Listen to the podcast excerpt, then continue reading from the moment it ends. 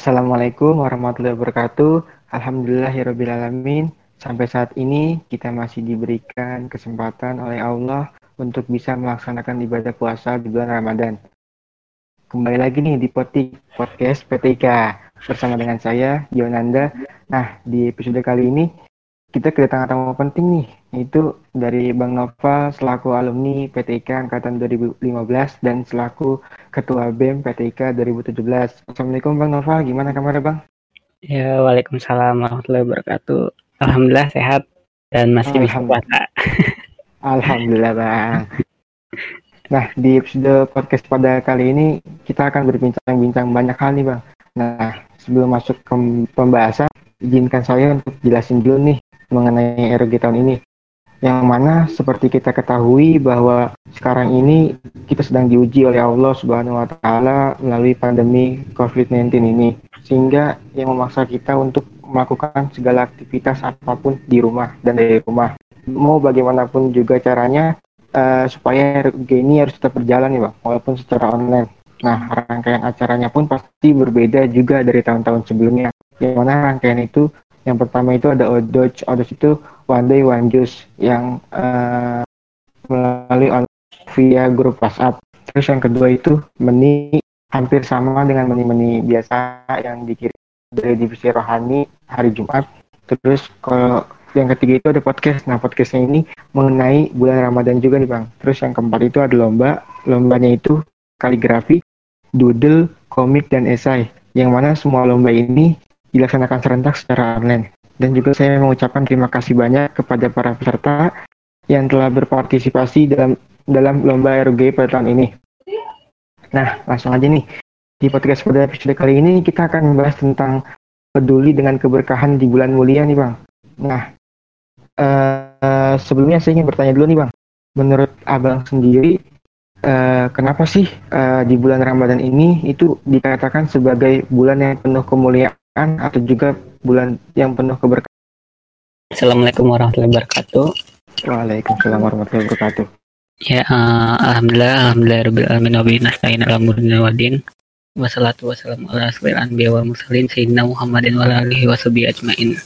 Wabi sahri sadri wa sri amri wa uhdatan min lisani yafqahu qawli amma ba'du. Ya, uh, sebenarnya nih apa ya? Jadi diminta jadi pembicara di tema yang ini nih rada berat juga gitu bagi saya. Ada.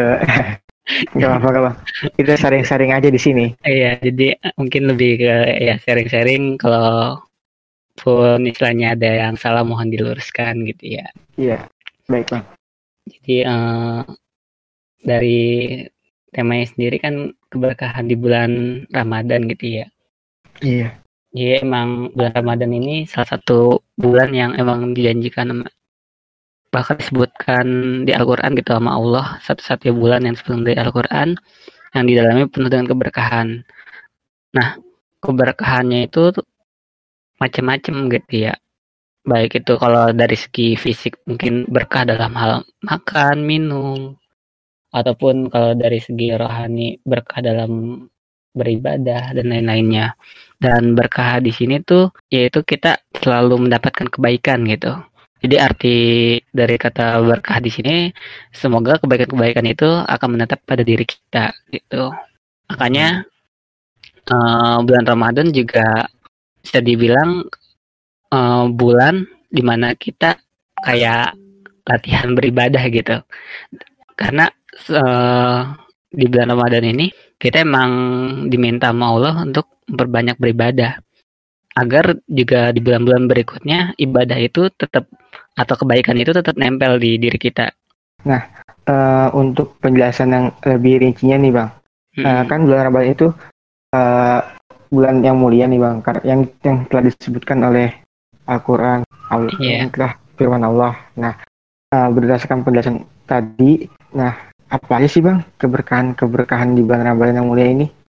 Kayak keberkahan uh, sholat tarawih atau yang lainnya gitu bang? Oke, okay. uh, eh, keberkahannya itu banyak gitu ya kalau kita bisa uh, kita pelajarin gitu bahwa keberkahannya itu ya salah satu yang istilahnya nggak ada di bulan lain salah satunya itu malam Lailatul Qadar. Hmm. Jadi uh, di bulan Ramadan itu salah satu yang beda dari bulan-bulan ini karena ada yang disebut dengan malam Lailatul Qadar atau malam yang lebih baik dari seribu bulan. Nah, uh, di sini kita diminta buat istilahnya berlomba-lomba menghidupkan malam kita gitu ya di bulan Ramadan dengan kegiatan beribadah baik itu zikir, tilawah, sholat dan juga uh, khususnya di 10 malam terakhir gitu sesuai dengan uh, tuntutan apa tuntutan dari Rasulullah. Terus juga selain itu dengan adanya kayak puasa. Kan kita biasanya salah satu orang berpuasa ciri-cirinya dia ada sahur yeah. dulu sebelum fajar gitu ya. Terus juga setelah puasa di maghribnya kita buka puasa. Nah di situ juga jadi apa ya tempat atau waktu keberkahan di mana kita bisa kumpul bareng keluarga yang bi mungkin biasanya di waktu-waktu normal kita ya sibuk dengan kesibukan masing-masing tapi di waktu tersebut kita bisa kumpul makan bareng terus uh, ya berdiskusi ataupun uh, ya intinya uh, di situ salah satu waktu keberkahan gitu ya khususnya di waktu sahur tempat kita juga baik untuk berdoa. Terawih sendiri juga ya itu sama. Kita malam ya habis isya sholat terawih. Cuman nih hmm. karena covid 19 kita nggak bisa terawih. Hmm. terawih masih di rumah bukan di masjid. Iya di rumah aja bang. Iya. Nah banyak banget berarti ya bang ke keberkahan keberkahan di bulan ramadan ini. Dari iya. mulai keberkahan sahur buka puasa hingga sholat terawih. Nah hmm.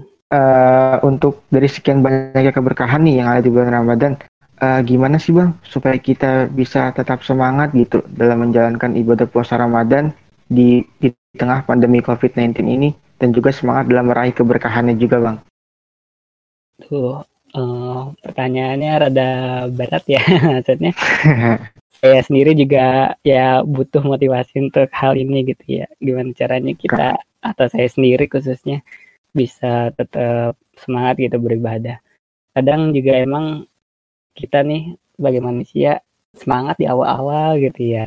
Di pertengahan mulai lemes. Iya akhir-akhir tuh godaan makin banyak gitu kan. Tapi ya di sisi lain emang supaya kita tetap semangat kita ingat aja gitu apa bahwa hmm, ganjaran kebaikan dari ibadah itu bahwa balasan kebaikan dari Allah itu sangat banyak. Nah itu yang bisa mungkin jadi motivasi kita atau semangat kita supaya contoh anggap misalkan di 10 malam terakhir gitu. Itu kan biasanya hari-hari terakhir tuh hari-hari yang berat gitu ya buat kita. Iya, pasti bang kalau akhir-akhir. Apalagi 10 hari terakhir kan. Nah itu. Yang awalnya mungkin terawih full Wah, di tengah-tengah udah mulai bolong, di akhir-akhir udah mulai males kan biasanya. Waduh. nah, makanya di 10 malam terakhir itu Allah janjikan salah satunya ya itu malam Lailatul Qadar. Nah, yeah. supaya kita tetap terus semangat gitu ya dalam beribadah. Bahkan di 10 malam itu ya kita diminta sama Allah untuk menghidupkan malamnya dengan ibadah. Dan ya emang kita juga sebagai manusia nggak tahu gitu kapan malam itu muncul tapi Allah ngasih ciri-cirinya atau tanda-tandanya salah satunya kayak di malam-malam ganjil ataupun tanda-tanda lainnya gitu oh, oh gitu terima kasih bang bang atas motivasinya banyak banget pasti cara eh, cara-cara untuk bisa meraih keberkahan di bulan Ramadan kan apalagi Allah telah menurunkan malam itu Qadar malam seribu bulan yang mana uh, malaikat turun untuk mengabulkan segala doa-doa dari hambanya. Nah, uh, dua hari yang lalu nih kita udah lempar pertanyaan nih bang di G Story BMPTK. Nah, alhamdulillah sudah ada sudah ada pertanyaan yang masuk. Nah, kita memilih tiga pertanyaan yang per, pertanyaan saja. Yang pertama itu dari Muhammad Syafiq. Nah, pertanyaan itu kemuliaan apa aja sih bang yang bisa didapat di bulan Ramadan? Nah, tadi udah dijelasin nih bang. Iya mungkin tambahan lagi aja ya yang yeah, tadi sama. belum sempat dijelasin yeah. kemuliaan atau apa ya yang bisa dibilang rugi kita kalau seandainya nggak dapat ini yaitu ampunan Allah gitu ya karena di bulan Ramadan yaitu uh, pintu-pintu maaf Allah buka selebar-lebarnya pintu taubat dan juga uh, pintu neraka Allah tutup gitu ya serapat-rapatnya jadi uh, ibaratnya kita jadi orang yang rugi kalau ketemu Ramadan tapi tidak menjadikan Ramadan sebagai sarana untuk menghapus dosa-dosa kita. Jadi uh, sebagai uh, umat Rasulullah, sebagai hamba Allah, kita benar-benar harus memanfaatkan bulan yang Ramadan yang penuh berkah ini ya, bang. Iya. Nah, nah, oke okay, untuk uh, pertanyaan selanjutnya nih, bang, dari si Fah. Nah, berkah saat sahur, bang, apa aja sih? Berkah saat nah, sahur. Berkah saat sahur ya. Jadi uh, dari yang saya tahu gitu, dari ini juga ya habis nyari-nyari juga gitu hmm, materinya di mana uh, di saat sahur itu sebenarnya kadang kan banyak orang yang kayak dipelein gitu ya. Uh, yeah. kadang ya nggak perlu sahur juga kuat gitu dan lain-lain. Padahal di situ kita rugi sebenarnya kalau kita nggak sahur. Dari sisi keduniawian kita rugi kalau nggak sahur karena itu di sahur kan kita bisa makan bisa dapat asupan energi yang di mana asupan energi itu bisa kita gunakan untuk beribadah di siang harinya ataupun beraktivitas di siang harinya. Tapi kalau kita nggak sahur jadi di siang harinya itu kita saat puasa lemas gitu. Yang tadinya mungkin bisa beraktivitas bisa kerja bisa belajar itu malah bawaannya kayak ngantuk tidur dan lain nah itu dari segi keduniawian. Nah, kalau dari segi apa namanya akhirat gitu, kita eh, di bulan apa di bulan? Di waktu sahur itu salah satu tempat kita diampuni dosa-dosanya gitu sama Allah. Karena di waktu sahur itu juga merupakan dari sepertiga malam terakhir. Jadi emang uh, dari janji Allah di sepertiga malam terakhir itu tempat doa-doa kita dijabah dan dan di situ juga emang disarankan salah satunya juga mau dayat dari penjelasannya di Al-Quran gitu ya bahwa di waktu sahur angka baiknya kita bagi dua gitu yang pertama kita gunakan untuk makan yang kedua setelah makan kita gunakan untuk beristighfar sebanyak-banyaknya dan berdoa karena kalau kita udah dapat ampunan Allah insya Allah ya apa yang kita inginkan akan diberikan gitu. Jadi banyak banget saat sahur ya bang. Sesuai dengan uh, Rasulullah yang pernah bersabda, uh, makanlah sahur maka di, di dalamnya terdapat keberkahan. Nah, iya. uh, nah oke okay. untuk pertanyaan selanjutnya nih bang dari Aprilia Rahma. Hmm. Cara meraih Lailatul Qadar gimana sih kak? Nah gimana tuh bang? Hmm, untuk Lailatul Qadar ya kalau yang pasti sih kita perbanyak gitu ya uh, ibadah kita di waktu malam jadi yang mungkin uh, di hari-hari lain kita ibadahnya kurang gitu. Nah di bulan Ramadan ini khususnya di 10 malam terakhir kita perbanyak tuh ibadah-ibadah kita. Baik itu baca Quran baik itu beristighfar ataupun uh, ibadah-ibadah yang lainnya entah itu sholat sunnah dan lain-lain. Nah hmm. untuk mendapatkan malam Lailatul Qadar sendiri itu istilahnya kan kalau kita biasa kenal dengan istilah istikaf gitu istikaf gitu ya ada istilah istikaf di kita tapi bukan berarti untuk dapetin malam Lailatul Qadar itu kita harus uh, di masjid bukan berarti seperti itu tapi uh, beribadah di rumah pun dengan kondisi yang kayak sekarang nih COVID-19 kita nggak boleh kumpul rame-rame. Nggak boleh ke mana-mana.